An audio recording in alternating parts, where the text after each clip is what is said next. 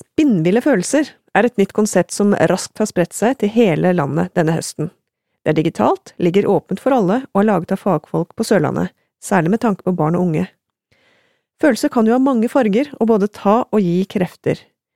I krisen vi står i nå, er det nok et ekstra behov for de aller fleste å jobbe litt med følelsene sine, uansett alder, egentlig.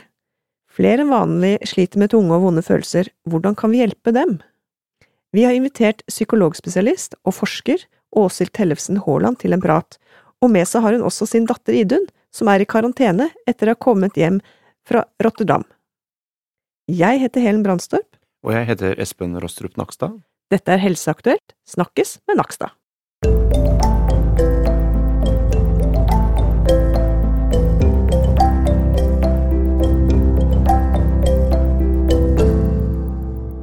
Espen, du virker å klare å håndtere følelsene dine godt, det har vi snakket om før òg. Samme rolig mannen uansett. Men har du alltid vært det? Hva om hva når Espen var barn? Nei, jeg tror jeg var et ganske vanlig barn, jeg, som var eh, både aktiv og kunne fare opp og krangle med søsken og det meste. Så jeg tror jeg har vært ganske gjennomsnittlig på mange måter. Jeg tror mm. faktisk det. Og ungdomstida òg? Ja, jeg var ikke noe sånn veldig eh, oppfarende ungdom. Det var jeg ikke. Eh, det, det, jeg var kanskje litt mer behersket enn noen andre, som jeg har inntrykk av. Men eh, heller ikke Ja, ganske midt på treet der også, tror jeg faktisk. Mm. Tenkende? Ja Det tror jeg alle er. Jeg tror vi tenker mye, ulike, men vi tenker på litt ulike ting i ulike deler av livet. Så så, men jeg kan eh, fint tenke tilbake på hvordan det var å være 13 og 14 år, og hva tenkte man på da, og eh, hva, hva var stressende da, og hva følte man? Det tror jeg veldig mange kan tenke seg tilbake til. Det er ikke så vanskelig å komme inn i det tankemønsteret når man ser eh, egne barn eller andre som er i den alderen. Mm. Ja, vi har jo med oss en, en ekspert, vi, rett og slett. Åshild, kjempegøy at du kunne stille på denne podkasten. Velkommen. Takk, takk. Du har jo vært prosjektleder for dette litt lekre, nettbaserte hjelpemiddelet med det like fine navnet Spinnville følelser. Og det er jo for barn og unge, og både lærere, men også terapeuter kan bruke det, og kanskje også foreldre og andre voksne. Kan ikke du fortelle litt om, om hva spinnville følelser er? Jo, det kan jeg. Um, for det første, du sier at det er laga av fagfolk på Sørlandet sykehus. Det er en sannhet med modifikasjoner. For det er laga de fleste kommer nok fra Sørlandet, men eh, det er jo to psykologer fra Bergen som har vært med og laga det. Så det er virkelig et sånt team utover Sørlandet sykehus som har stått bak dette. da. Eh, men altså, spinnville følelser det består av syv korte filmer om syv følelser. Altså frykt, avsky, glede, sinne, tristhet, sjalusi og skam.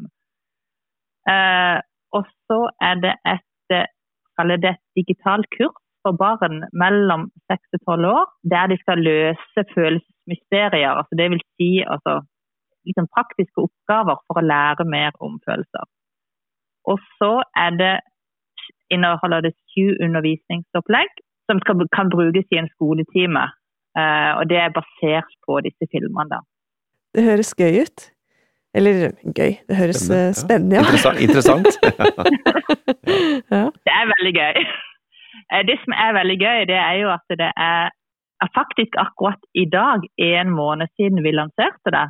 Eh, og så gikk vi inn og sjekka ja, ja, men hvor mange er det som, som bruker det, eller som har iallfall vært inne på det. Uh, og det er jo sånn nærmere 14 000. Uh, og så har vi òg sjekka hvor i landet. Eh, og det er virkelig Ja, folk har brukt det virkelig over hele Norge. Aller mest i Oslo. Så kommer vel Kristiansand på nummer to. og så, ja.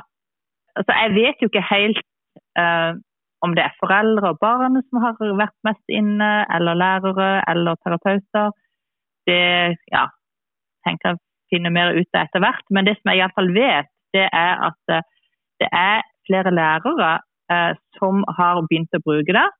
Eh, og som har fått tilbakemelding. Altså, de har brukt det både i andre klasse og i syvende klasse.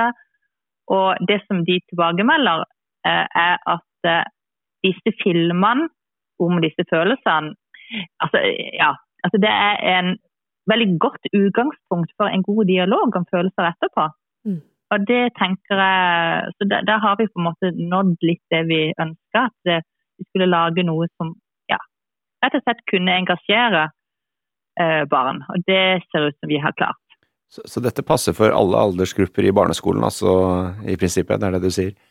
Ja, fra seks til tolv år. Nettopp. Mm. Eh, jeg tror nok noen av filmene kan funke ja, kanskje for åttende klasse, men utover det så blir det kanskje litt barnslig. Men klart at en del av innholdet i disse filmene eh, er jo altså, handler, altså, Følelser er jo noe vi alle har.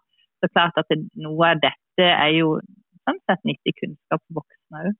Ikke sant? Og det, når det er så tilgjengelig som dere har gjort det, på den kjempefine nettsiden, så kan det jo bli litt sånn allemannseie. Det gjør ikke noe å se en film sammen med bestefar en gang, og at barnet kan liksom eh, Og foreldre en annen gang, kanskje en tante, som jeg er, da.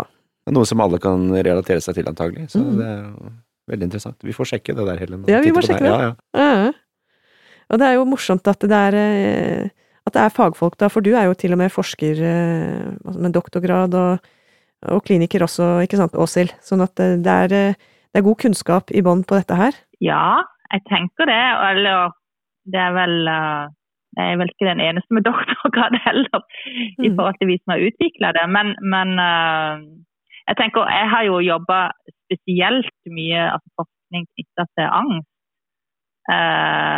Og det ser ut som at ja, så altså den filmen om angst og hva vi foreslår i forhold til angst, eh, er jo absolutt forskningsbasert. Jeg, jeg, blir så jeg, jeg, liksom, jeg, blir litt sånn happy, jeg, når seriøse forskere klarer å anvende det man har forsket på, og det feltet man driver med, liksom i det daglige, det praktiske. Og du har jo, har jo eh, gjort noe som jeg syns at uh, Du har brukt sånn, litt sånn utradisjonelle måter på å spre dette her på også. For det, altså, nå forteller du om at det er veldig mange som har tatt det i bruk, og i hele landet, så det har vært bruk av sosiale medier, er det ikke det, Åshild? Det er jo litt kult for seriøse forskere å gjøre det? Eh, det stemmer det, og litt på grunn av tidshensyn akkurat nå, så, så, har vi ikke egentlig gått så mye ut til media heller ennå. Så det, at, eh, det er egentlig via sosiale medier, og så tenker jeg at det er mye jungeltelegrafen som har virka her. For ja, Fra fagfolk så har vi jo fått mye, iallfall gjennom sosiale medier, fått veldig mye altså, rosende ord i forhold til dette. Så ja, det, dette sprer seg via sosiale medier, og vi har jo ikke hatt noen kursing eller noe sånt heller ennå. Du får den derre um, sommerfugleffekten, ikke sant. Et initiativ et sted som er godt, kan spre seg for stor effekt. Mm når det går gjennom nettverk, når folk tar det videre. Anvendt kunnskap eh, mm. på mange plattformer. Det er veldig Ja, det er litt mm. fascinerende, egentlig. Mm. Det, det har spredt seg mye raskere enn ja, vi hadde tørt å håpe på, for å si det mm. sånn. Jeg har et spørsmål.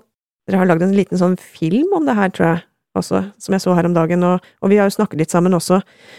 Og mm. det der med at mange foreldre gjerne vil ta vekk negative følelser hos barna sine, det mener du ikke er så lurt? Nei, eh, jeg tenker at eh, jeg ser det spesielt Nå har jo jeg jobba veldig mye med engstelige barn og ungdom, eh, og jeg forsker på det.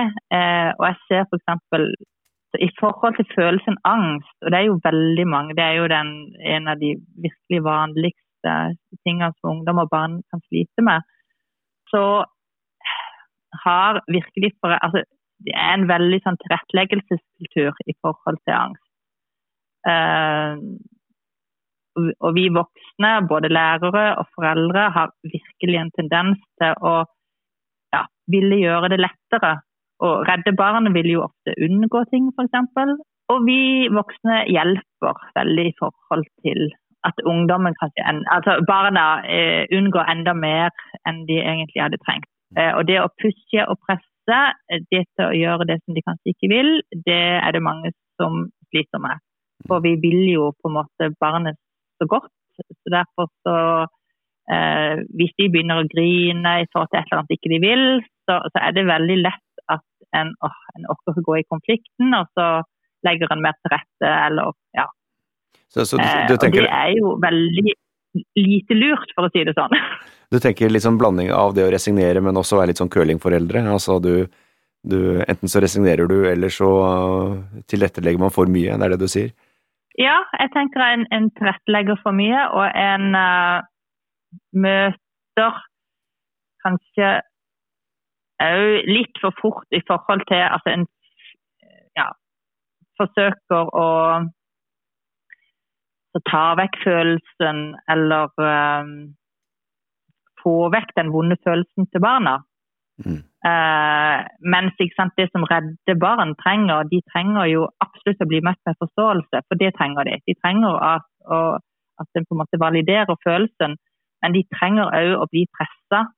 Uh, og de trenger å ja, Er en redd for å presentere i klassen, så er det ikke sånn at ja, ja, men der skal du få lov å presentere alene for en lærer.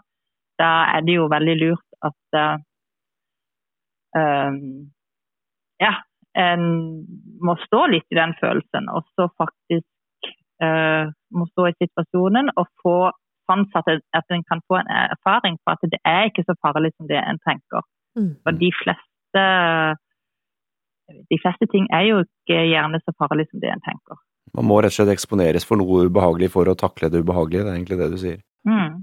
Nei, jeg, vi har tenkt litt også på dette. Nå er det jo eh, vanskelig kanskje å være barn og eh, ungdom i denne tiden med korona. Dels på grunn av denne usikkerheten, selvsagt, men, men, ikke minst fordi det er mange som jo sitter i karantene. Nå er det jo smitteutbrudd både her og der.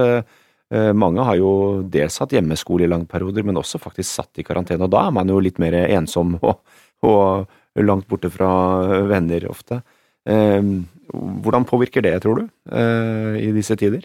Altså, jeg tenker jo at altså, selve koronasituasjonen er jo virkelig en situasjon som trigger mye litt sånn kjipe følelser for tida. Eh, både for voksne og ungdom. Og en må være i karantene. En, en del plasser, kanskje spesielt, spesielt, i Oslo, så stenger veldig mye ned. Eh, så det er, jo, det er jo krevende. Uh, og jeg tror mange kjenner jo mye mer på kanskje triste følelser, ensomhetsfølelser. Eh, kanskje litt mer redd enn vanlig. Mm. Og, og, ikke minst det at um, en får være mye mindre sosial enn en egentlig Så jeg tenker jo at det, det er jo mange som har det litt kjipere. Ja, viktig for at vi forteller dem at vi forstår at det er kjipt. Eh, vi forstår at det å ikke dra på fest er en eh, belastning, ikke sant? Ja, for jeg, jeg kan merke det for egen del at eh, det er veldig lett at vi som foreldre og vi som voksne litt for fort altså, Ja ja, men det, det går jo snart over, eller altså, Du kommer med kanskje en eller annen litt sånn Du kan ofte oppleves sånn at du bagatelliserer Mm. Så det er noe med å være der litt sammen med de eh, og forstå at altså, Iallfall formidle at du forstår eh, hva, de, hva de kjenner på, før du begynner å komme med alle mulige løsninger eller si et eller annet som ja, tar ta vekk følelsen. Mm. Det er et godt poeng. Og så er det jo også sånn, vi skal snart, Du har jo med deg datteren din Idun, som vi snart skal få høre litt fra. Mm som har erfart det her med karantene nå etter å ha kommet fra Rotterdam, men når vi forberedte denne samtalen også, så sa du noe om at det er faktisk Det er jo så sterke krefter, på en måte, sånn hos de unge, lyst til å være ute, lyst til å treffe venner, og at da, i koronatiden, at det er litt tydelige regler, sånn at karantenereglene er sånn. Det sa du, det hjalp deg som forelder i forhold til å Ikke sant? Eh, ja, og også kanskje Idun. Jeg vet ikke, kanskje Idun kan snakke litt om det selv? Du har, jeg skjønner at du har akkurat kommet ut av karantenen? Ja, jeg kom ut av karantenen for eh, en dag siden. Så nå har jeg nettopp vært i ti dager karantene. Mm. Hvordan fikk du, Hva gjorde du den karantenetiden, da? Altså, lærte du deg noen triks, og hvordan holdt du ut i ti dager? Eh, hvordan jeg holdt ut? Jo, eh, jeg klarte egentlig å sette opp en rutine for meg selv med å stå opp sånn relativt tidlig. Eh, og så jobbe med skole. Gå ut og trene og prøve å spise sunt og prøve å liksom lage en litt normal hverdag i en veldig unormal hverdag. på en måte. For det er veldig rart å være inne i ti dager uten å kunne møte noen. Og jeg kom jo nettopp hjem fra, fra Rotterdam i Nederland. Og det første jeg hadde lyst til når jeg kom hjem, var selvfølgelig å møte alle vennene mine. Så da var det vanskelig å måtte sitte inne i ti dager, men jeg overlevde, og det gikk fint. Jeg vil si at rutine er veldig viktig. Så du fikk en eh, god rutine, og du kom deg utendørs. eh, Og, og fikk du hatt noe kontakt med venner digitalt, eller eh, føler du at Ja, ja, ja. Jeg hadde, jeg hadde mange FaceTime-samtaler. Og så hadde jeg en ting som jeg syntes var veldig gøy, var å ha har en kjæreste som kommer fra Nederland. Og vi hadde sånn um, Zoom-date.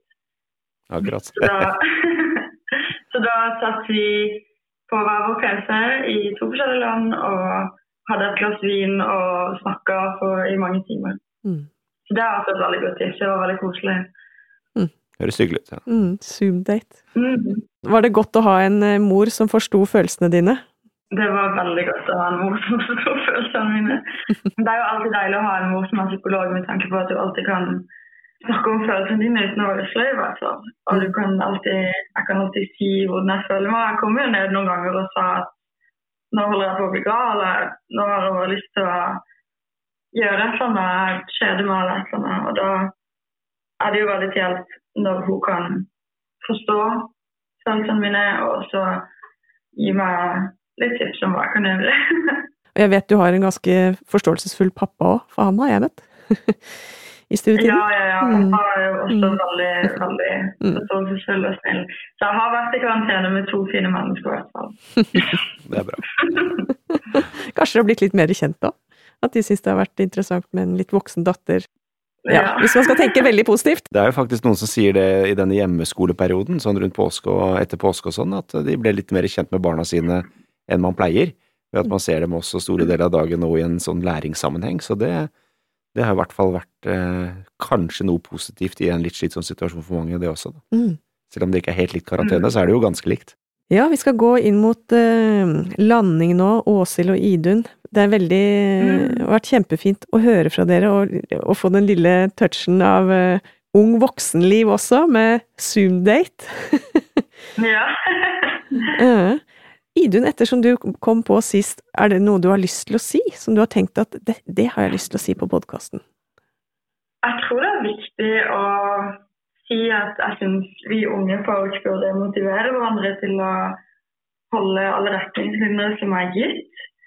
Selv om det kan være vanskelig noen ganger. Men selv om hverdagen er litt unormal, så er det ting å gjøre. Og du kan prøve å gjøre det beste ut av det. Så blir vi kjent med hverandre, og kjent med oss selv også. Det får vi si på godt og Ja. vondt, men allikevel. Mm. Ja, men da tror jeg vi skal si hjertelig tusen takk eh, for eh, det er spennende samtalen med dere nede i Kristiansand. Ja, var veldig hyggelig å prate med dere. det var veldig hyggelig.